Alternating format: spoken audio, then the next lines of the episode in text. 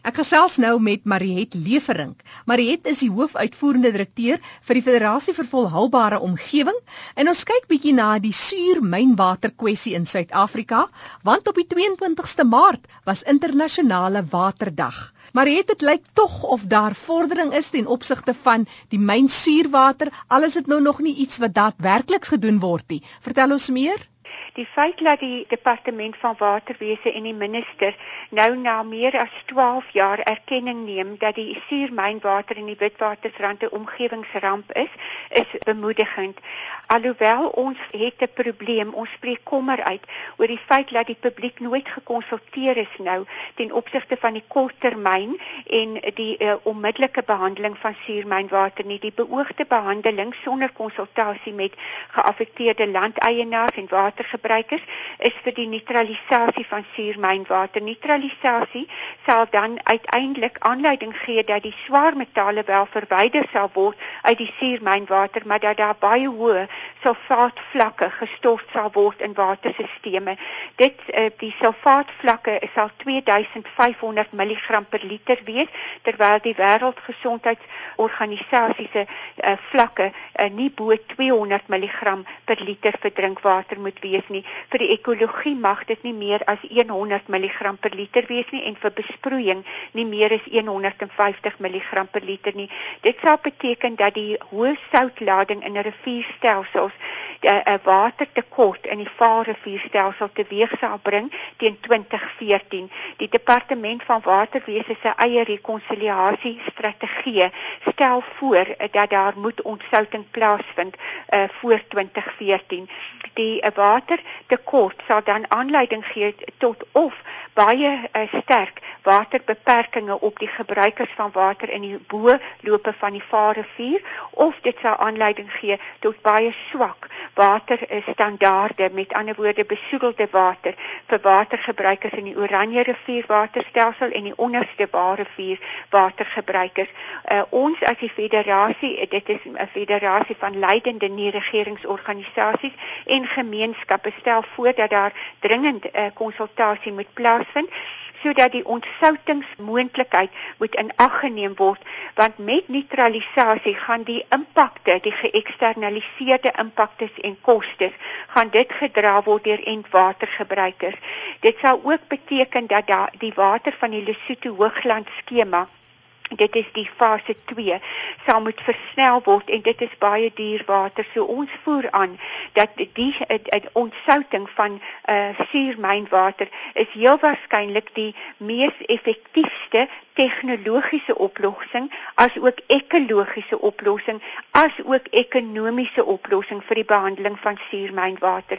Neutralisasie sal natuurlik ook tot gevolg hê dat daar baie hoë vlakke groot volumes van swaar metale iewers gestoor moet word. Die swaar metale is beide radioaktief en toksies en daar is nog geen ekologiese studies gedoen of toksikologiese studies of ook epidemiologiese studies gedoen om vas te stel wat die impak gaan wees byvoorbeeld op die menslike gesondheid en ook op die ekologiese gesondheid. Dis in Suid-Afrika Mariet, maar wêreldwyd, wat is die tendense as jy kyk na mynaktiwiteite en hierdie vorm van suurmynwater? Hoe word dit uiteindelik gesuiwer? Eh, deur ontsouting, eh, byvoorbeeld triosmose is 'n baie aanvaarbare tegnologiese uh, opsie vir die behandeling van suurmynwater. In ander lande word ook byvoorbeeld passiewe stelsels gebruik, nie net aktiewe stelsels vir die suiwering van suurmynwater nie, maar daar moet proaktief opgetree word. In die geval van Suid-Afrika het ons nou 'n nalatenskap van meer as 125 jaar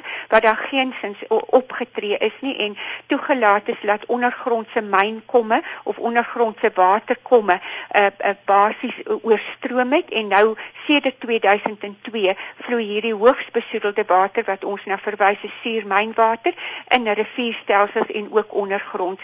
So uh, in Suid-Afrika was daar baie ontkenning, baie onderdrukking van feite en dit het nou aanleiding gegee tot 'n onaanvaarbare uh, situasie wat nou verwys na word as 'n ekologiese katastrofe of 'n uh, tragedie.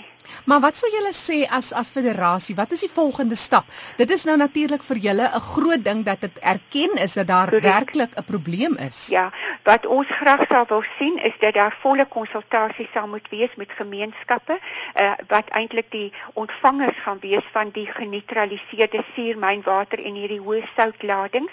Dit sal definitief impakte kan hê op gesondheid, want uh, veral op uh, kwesbare gemeenskappe met hoë vigs uh, syfers en ook natuurlik uh, die meer kwesbare uh, lede van gemeenskappe soos bejaardes en jong kinders want dit kan lei tot um, uh, diarree wat fataal kan wees.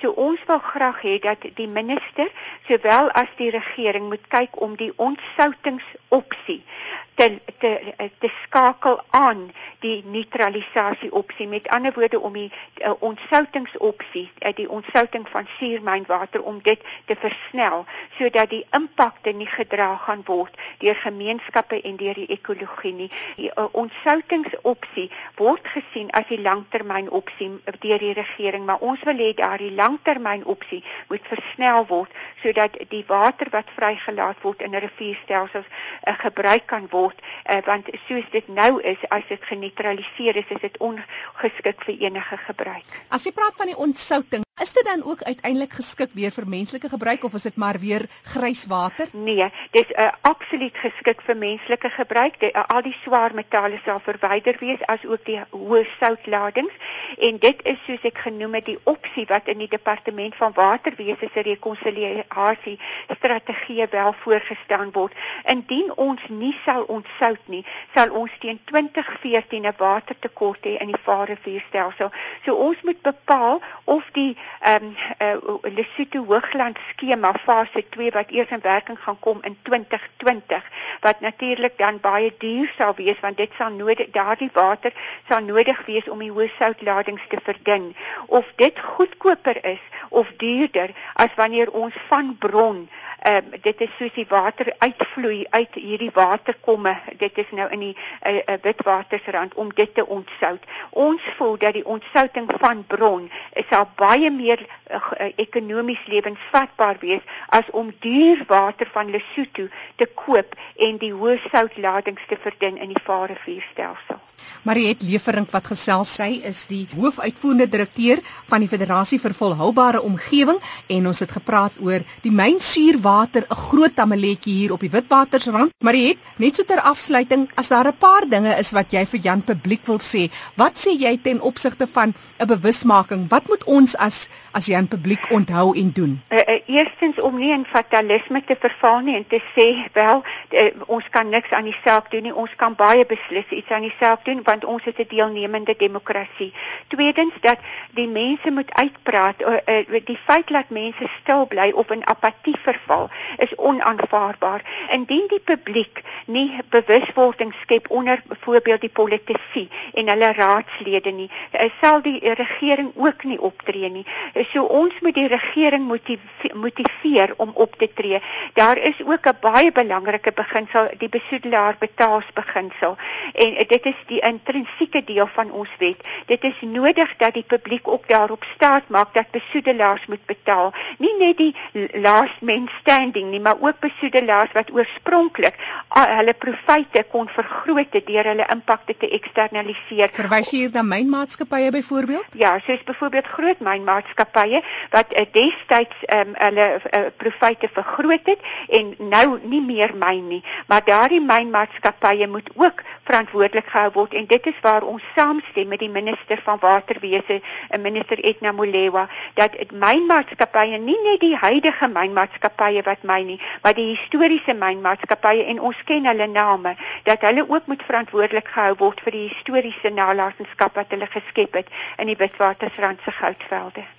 Maar jy het vir mense wat meer met jou wil gesels oor hierdie onderwerp, daar kan wel webtuiste telefoonnommer ja. wat sou jy verkies? Uh, hulle kan uh, of op ons webblad kyk, dis www.se.org.za